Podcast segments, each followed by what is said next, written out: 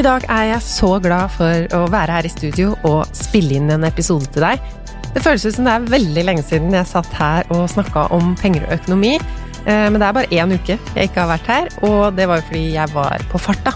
Jeg hadde fire foredrag på én uke. Jeg hadde litt med boklansering å gjøre. Jeg hadde noen gratisarrangementer, annet på biblioteket i Bergen.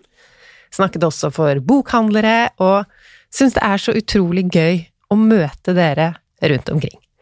Da får jeg sjansen til å dele av min spareglede, høre deres erfaringer og dele mine. Mine erfaringer rundt hva som gjør økonomien god. Og det er jo et tema som kan diskuteres.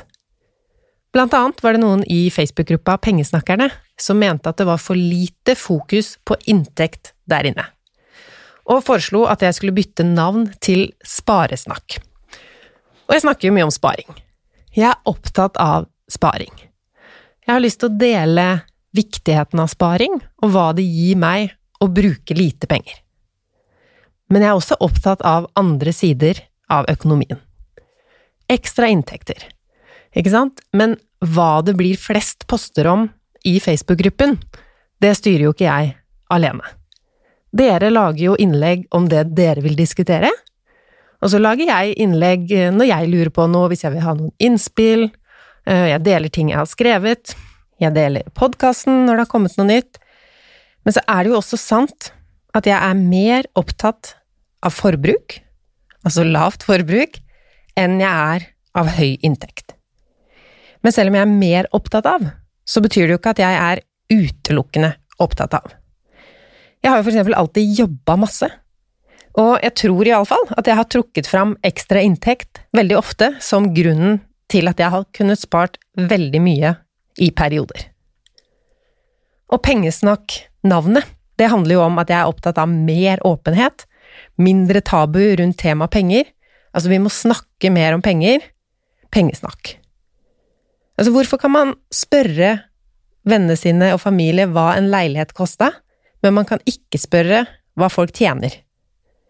Det er jo ikke alltid det er så interessant eller nødvendig å vite. Eh, jeg respekterer jo også de som vil holde noen sider, eller alle sider, av økonomien sin privat. Jeg bare vil at vi skal dele med hverandre hvordan vi kan gjøre smarte ting med pengene våre. Ikke, ikke hold hemmelig det du har lært som er smart. For det du har lært om god økonomistyring, det kan jo være smart for andre å vite også. Kunnskapen er med på å gi oss bedre økonomi, det er jeg sikker på. Og hvis du ikke er helt der at du vil diskutere lønnsforhandlinger og strømsparetips med vennene dine eller kollegaene dine, så er du velkommen inn i Pengesnakkerne på Facebook. Jeg merket at jeg måtte snakke litt om det med inntekter og utgifter i dag. Hva er det som er viktigst av de to?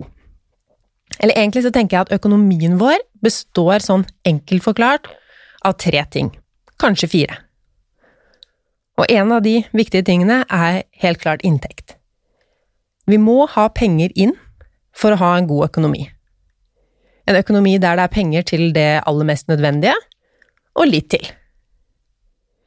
Men ekstra inntekt, og høyere inntekt, det er faktisk ikke mulig for alle. Det er mulig for nesten alle, mange i alle fall, men har du en 100% jobb, har du barn, forpliktelser, når skal du jobbe ekstra? Og hvis man jobber i en eh, kommunal jobb, kanskje, da, hvor det er sånne lønnstrinn, så er det ikke bare å ta en lønnsforhandling og komme ut av døra etter et møte med sjefen, og så har du mye høyere lønn. Men mange kan ta en runde og finne ut er den lønna jeg får i dag, riktig. Hvis du er superflink, så er det kanskje mulighet til å få høyere lønn i jobben der du er. Det går også an å bytte jobb til en som er bedre betalt, og kanskje som er mer spennende samtidig. Men det er jo heller ikke realistisk for alle. Her i Norge, i de største byene, så er det jo jobber å velge mellom for mange av oss. Men det er det faktisk ikke på samme måte rundt om i det veldig, veldig lange landet vårt. Og så er det det med ekstrajobb. Jeg har jo alltid vært fan av å jobbe ekstra. Jeg likte å jobbe da gjerne med noe helt annet enn det jeg driver med på dagtid. Så mens jeg gikk på skole og studerte, så jobba jeg i butikk, Eh, passa barn har jeg gjort, både i Norge og i Tyskland. Tatt småjobber her og der. Når jeg jobba på eh, Freia på dagtid, så jobba jeg med Tupperware på kveldstid, solgte det. Jobba som eh, brudekjolemodell og litt andre typer modellting mens jeg jobba i Tine. Og så begynte med blogging, da. Så å drive med mye forskjellig har alltid vært givende for meg, sånn personlig og utviklende, men også gitt meg ekstra penger som har gjort økonomien min god. Men så kommer det til et punkt, og for meg så har det med familiesituasjonen å gjøre, at det ikke føles så stas og givende lenger å stikke av en hel lørdag eller en hel søndag for å tjene noen ekstra kroner. Da er det mer verdifullt å være sammen med familien. Så når det gjelder inntekt, så er det muligheter for å øke inntekten for noen, ikke absolutt alle. Det er jo heller ikke sånn at alle trenger det. Ikke alle kan gjøre det, har rett og slett muligheten, og ikke alle vil gjøre det. For det er ikke nødvendigvis sånn at det ikke går på bekostning av noe. Altså mest sannsynlig så går det på bekostning av noe. Det tar jo tid. Så er det utgifter og forbruk. Altså hvis inntekt er punkt nummer én, så er forbruk og utgifter punkt nummer to. Penger ut. Ikke sant? Det er jo det penger er til for. At vi skal kunne bytte til oss de tingene vi trenger, og de tingene vi vil ha. Og så er det noe viktig. Det tredje. Og det er jo egentlig summen av én og to, eller differansen, da. Forskjellen mellom hva vi bruker og hva vi tjener. Hvor stor den differansen er, det er en viktig faktor i økonomien din, både akkurat nå, og kanskje enda mer i framtiden. Så jeg satte opp et eksempel her. Hvis du tjener 25 000 kroner i måneden, og så bruker du 24 500 kroner hver måned, da har du et overskudd på 500 kroner. Du får inn 25 000, bruker 24 500, da har du en 500-lapp til overs hver måned. Det er et overskudd på 2% Du bruker 98 av lønna di, og så sparer du 2 Og det høres kanskje litt lite ut med et overskudd på bare 2% men hvis det er deg, hvis dette høres ut som deg, du har et lite overskudd hver måned, da må du huske på at du er på riktig side. Du bruker litt mindre enn du får inn hver måned. Og forskjellen på det og det å bruke litt mer enn du får inn hver måned, den forskjellen er stor. Men den er kanskje ikke så merkbar i starten, den forskjellen. Altså, vi kan gå ganske lenge og bruke mer enn vi får inn hver eneste måned. Det er vanlig, det er absolutt ikke bra på noen måte, men det er ganske lett. Og når man kommer til det punktet hvor man merker konsekvensene av det forbruket, så kan det bli litt vanskelig å fikse opp i. For tenk da at du har levd for 110% av lønna di, eller kanskje 120% Hvis lønna di er de 25 000, men istedenfor å bruke litt under eller akkurat, så bruker du 27 500 kroner hver måned. Hvordan får man til det? Jo, da låner man. Enten så kan man låne av sine egne sparepenger hvis det finnes noe sånt, det er jo ikke sikkert det finnes det hvis man er vant med å bruke litt mer enn man har hele tiden. Noen låner opp på huset en gang iblant, man tar kredittkort, man kan låne av venner og familie. Forbrukslån, man kan gjerne ligge litt i forskudd på lønn, ha feriepengene allerede mottatt, sånn at man ligger litt etter. Altså, det er mange måter å bruke mer penger enn man har, og man kan holde på sånn ganske lenge. Men når man finner ut at man ikke vil ha det sånn lenger, eller at man ikke kan rett og slett ha det sånn lenger, man vil kvitte seg med dyr gjeld. Hvis det har blitt tatt opp med kredittkort, eksempel, så er jo det veldig dyr gjeld, høye renter. Hva skjer da? Først så skjer jo det at du har et beløp som må betales. Og så må du ha penger å betale det beløpet med. Forresten, hvis du tenker at ja, dette høres litt ut som meg, ta og hør på den podkastepisoden som heter Slik kommer du deg ut av gjeldsproblemer, hvor jeg har eh, Beate Engelskjønn på besøk. Der snakker vi om eh, hva du kan gjøre, hvor du skal begynne, hvordan du kommer i gang og alt sånt her. Men tilbake til tankerekka mi nå. La oss si at du har holdt på i fem år. Du har ikke gått helt over styr. Du bruker 2500 kroner mer enn du har hver måned. Hvis det har gått fem år, da, så har det blitt 150 000 kroner. Eh, og da er jeg veldig snill når jeg sier det tallet, fordi Det største problemet med å ta opp sånn type gjeld, det er jo nesten ikke beløpet i seg selv, men det er rentene. Så med renter etter fem år, så ville dette sikkert vært det dobbelte, kan jeg tenke meg. Og det stopper jo ikke der, det vokser, og jo mer det er, jo mer vokser det jo også, ikke sant. Dere veit hvor redd jeg er for eh, kredittgjeld, og hvor mye jeg mener det haster å bli kvitt denne type gjeld. Men hvis denne personen har um, fått for seg at den skal ordne opp, og begynner med å senke forbruket Personen er jo vant med å bruke 27 500 kroner, og det er mange av oss som har mange faste utgifter. Så med boliglån og SFO og alt mulig av regninger, så er denne personen kanskje oppe i 20 000 kroner ut hver måned i sånne faste ting. Og så pleier han å bruke da 7500 kroner på alt annet. Så hvis han eller hun klarer da å redusere fra 7500 til mat og alt annet ned til 5000 kroner, da, det blir jo litt tøft, for det er jo å redusere ganske mye på det daglige forbruket med mat og klær og småkjøp, alt det der. Men det som skjedde, det er jo bare at hun, la oss si det er en hund, nå bruker akkurat det hun får inn. Hun har redusert mye på det daglige forbruket, hun er ikke lenger i minus hver måned, men hun har jo ingen kroner å betale gjelda med. Så det hjelper ikke nok å senke forbruket til det hun får inn, hun må jo senke det enda mer for å ha penger til å betale ned gjelda med. Så da tenker jeg hvis det er mulighet for å øke inntektene her, så ville jeg absolutt anbefalt det, og i alle fall for en periode. Og så må vi jo se på de høye faste kostnadene og regningene. For de faste kostnadene, det er jo ikke alle av de som er så faste. Har vi laga oss for mange faste kostnader og månedlige avtaler, så er det jo mulig å endre på de tingene. Det er ikke nødvendigvis sånn at du må flytte til et billigere sted for å få det til, det kan handle om å forhandle noen avtaler. Ikke sant? Alarmselskapet, internett, strøm, boliglånsrente, mobilregninga, disse tingene. Det er ikke faste beløper. Og så kan du si opp noen abonnementer på sant, streamingtjenester, ukeblader, hva det nå er. Vi har makten til å endre ganske mange ting i vår egen økonomi. Ikke alle har det på inntektssiden, tenker jeg, men utgiftene våre er vi jo sjef over selv. Det føles nok ikke alltid sånn, når nesten at jeg merker at dere sperra litt opp øynene når jeg sier at utgiftene er vi sjef over selv.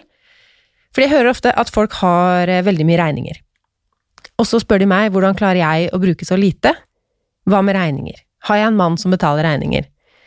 Eh, jeg har en mann som betaler halvparten av regningene og sitt forbruk, men sannheten er at vi ikke har så mange regninger. Vi betaler bare for ting som vi vil ha. Vi vil ha strøm. Vi vil ha internett. Vi vil at Emrik skal gå i barnehagen, sånn at vi har muligheten til å jobbe og tjene penger og gjøre det vi driver med. Vi vil ha mobiltelefon, vi vil ha renovasjon, alle disse luksustingene. Det er helt klart, så klart kan det komme utgifter som er uønska. Det at jeg måtte begynne med briller, for eksempel, eller hvis du har et barn som må ha tannregulering, det er liksom ikke en fest å betale for det. Men så tenker jeg, hva, hva er alternativet? Det er jo å se dårlig, i mitt tilfelle, ikke sant? Da tenker jeg heller at det er bra at vi lever nå når vi lever, der vi har hjelpemidler og mulighet til å faktisk kunne se bedre, og det er det da verdt å bruke penger på, tenker jeg. Um, og da er vi kanskje over litt på den eh, andre personen, den som har et lite overskudd hver måned. For da har vi en person her som bruker mer enn lønna si i fem år, men så har vi også den som bruker 2% under. Den har da begynt å bygge opp en konto. Ikke voldsomt mye, men hvis det er snakk om den femdelappen hver måned, etter de samme fem åra, så er det 30 000 kroner på en konto. Og det er veldig stor forskjell på å ha 30 000 i pluss og å være 30 000 i minus. Så vi trenger ikke engang å ta det eksempelet med å være 150 000 eller 300 000 i minus. 30 000 i minus, eller bare være i null? Når den tannreguleringa plutselig blir aktuell, så er ikke det noe krise for hun som har levd på 98 av lønna si hele tiden. Men det kan det bli, eller det er det, for den som har brukt alt, eller mer enn alt, hele tiden. Og hun som bruker mindre enn alt, da. Hun kan jo også velge å gjøre de samme tingene som hun som har gått en del i minus.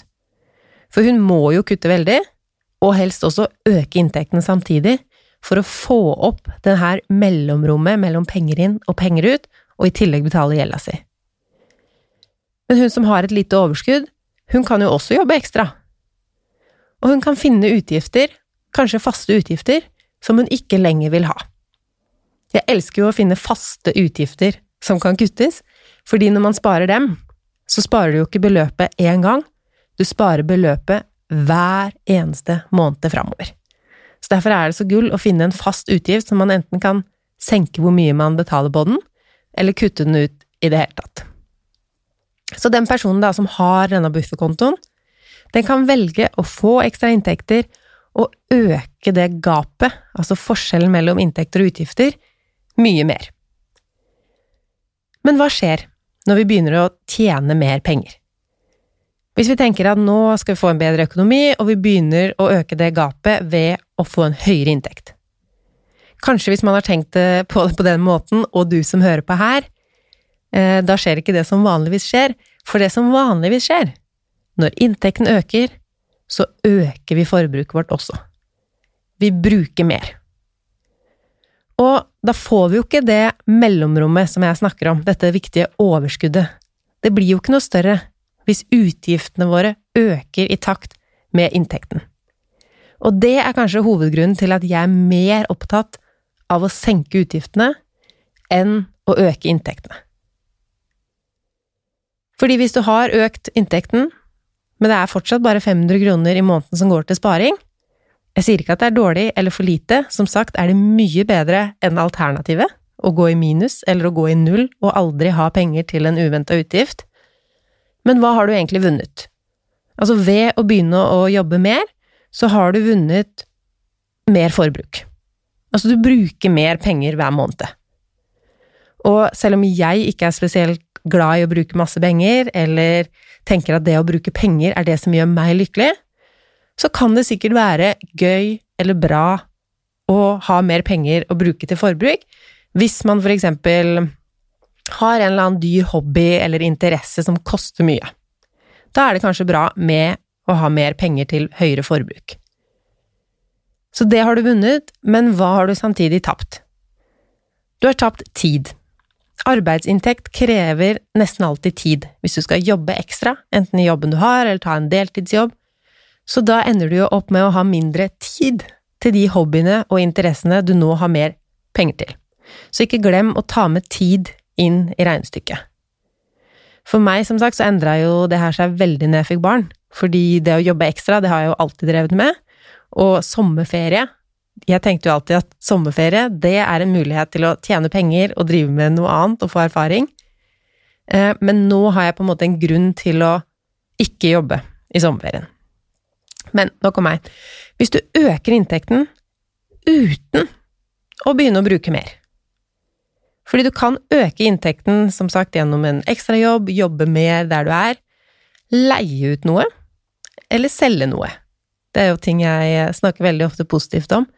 Tenk ut noe du kan tjene penger på på nett. Det er eh, mulighet til å være kreativ i den tidsalderen vi er i nå. Det er mye forskjellig man kan tjene penger på. Et ideale ville jo kanskje vært passive inntekter. Eh, og det er jo inntekter som du får uten å bytte tiden din aktivt. Altså, du får ikke timelønn, men du har et eller annet eh, som du selger, eller som du tjener penger på, uten å gjøre noe aktivt. Og det er jo, i realiteten så er det jo få passive inntekter som er så veldig passive. Det er jo alltid en jobb, for eksempel hvis du har en utleiebolig, da.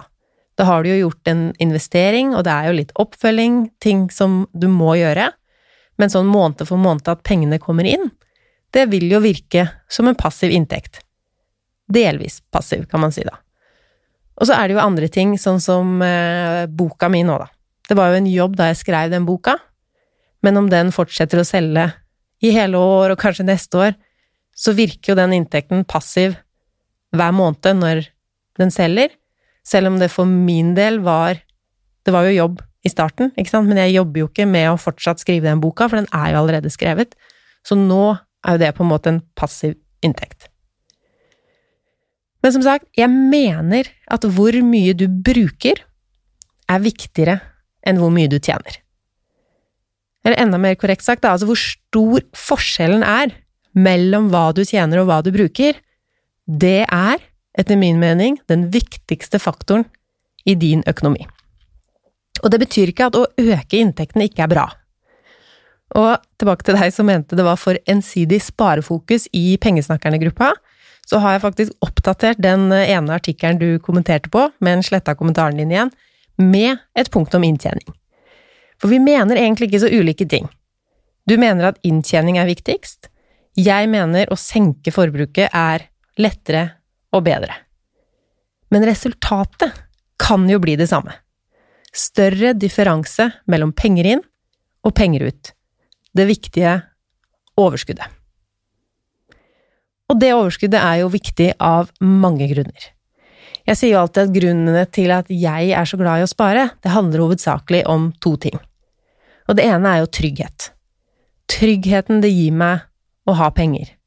Da kan det skje ting, utgifter kan komme, uten at det blir en krise i min familie, uten at jeg trenger å bli spesielt stressa, for jeg veit at jeg har penger til en parkeringsbot eller hva det nå skulle være. Og en annen ting med å ha et sånt overskudd, det er jo mulighetene det gir meg. Muligheten til å bli med på ting som koster penger, og ikke ha det så stramt at det ikke er noe fleksibilitet. Så noen vil kanskje si at det er kjedelig å ikke kunne få bruke 100% av lønna si selv, liksom at noe må gå til sparing, at det er kjedelig. Men jeg tenker jo at det er når du bruker mindre enn du kan hver måned, det er da du kan være spontan. Den høye forskjellen mellom eh, hva jeg bruker og hva jeg tjener, jeg må nesten si brukte og tjente, for den eh, forskjellen er jo ikke så høy akkurat nå, men det er jo faktisk også en mulighet. For å forklare det, så vi kan snakke litt prosent.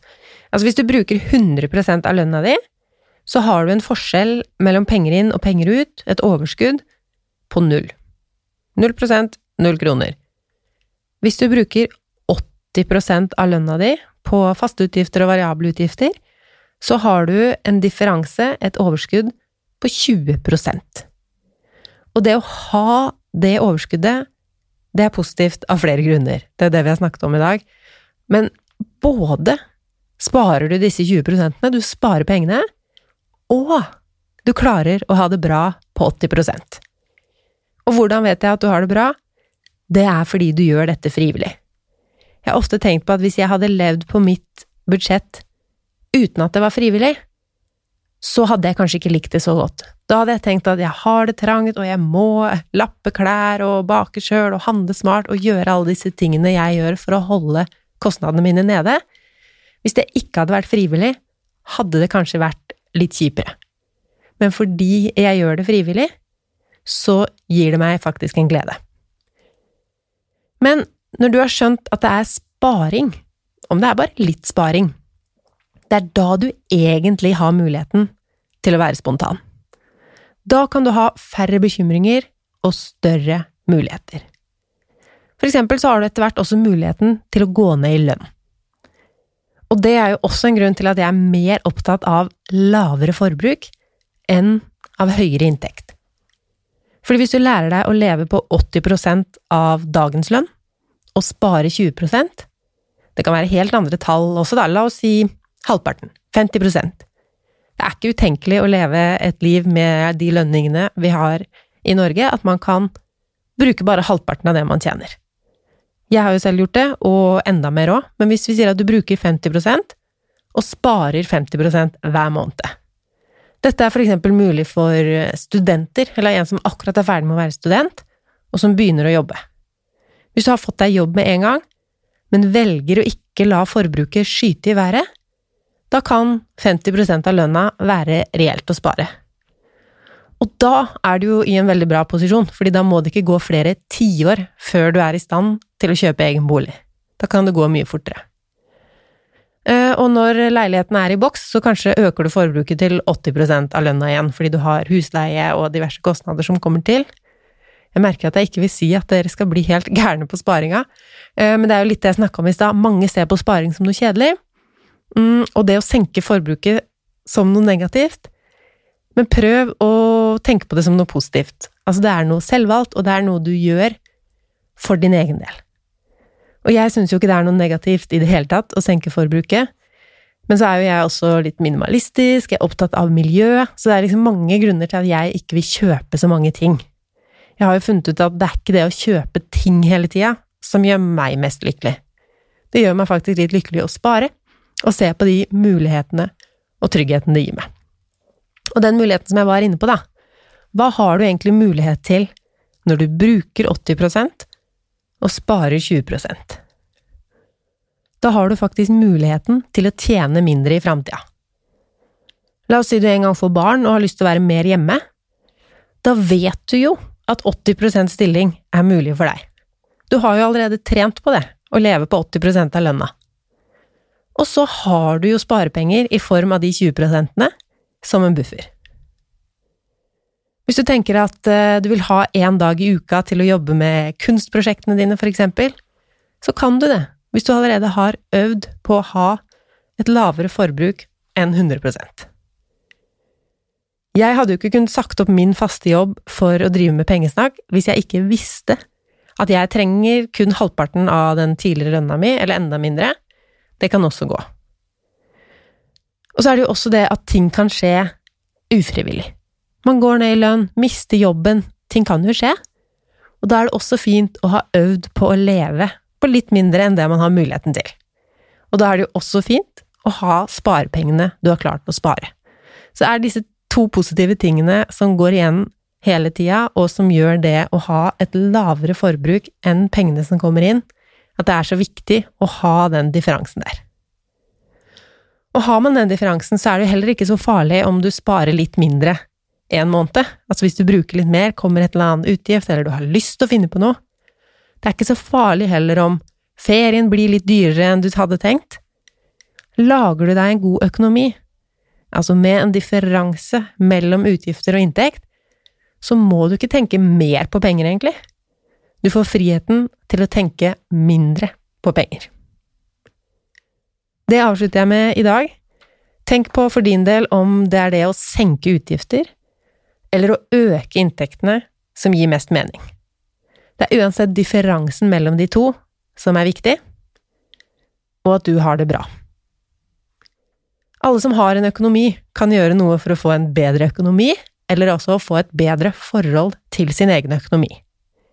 Men vi er jo på veldig ulike steder, dere som hører på denne podkasten her. Dere har ikke lik økonomi, like muligheter alle sammen. Men alle kan gjøre noe. Ta noen grep. Hvis du har nettbankskrekk, se om du kan laste ned mobilbank, og om den kanskje ikke er like skummel, at det ikke er like vanskelig å gå inn der. Hvis du har masse penger på sparekonto, og ikke helt liksom vet om du skal tørre å investere, eller om du skal bruke de til å betale ned på gjeld, sett deg litt inn i det og finn ut hva du kan gjøre som er smart. Dette er jo temaer vi kan snakke om en eh, annen gang. Hvis du har forslag til tema du vil jeg skal snakke om her i podden, noe jeg har vært innom kanskje, og du vil jeg skal snakke mer om, eller det kan være forslag til gjester dere vil ha her og snakke om penger med meg. Send meg en e-post på lise.pengesnakk.no, eller bare fortell meg det i en melding på Instagram. Pengesnakk heter jeg der. Ha en fin uke!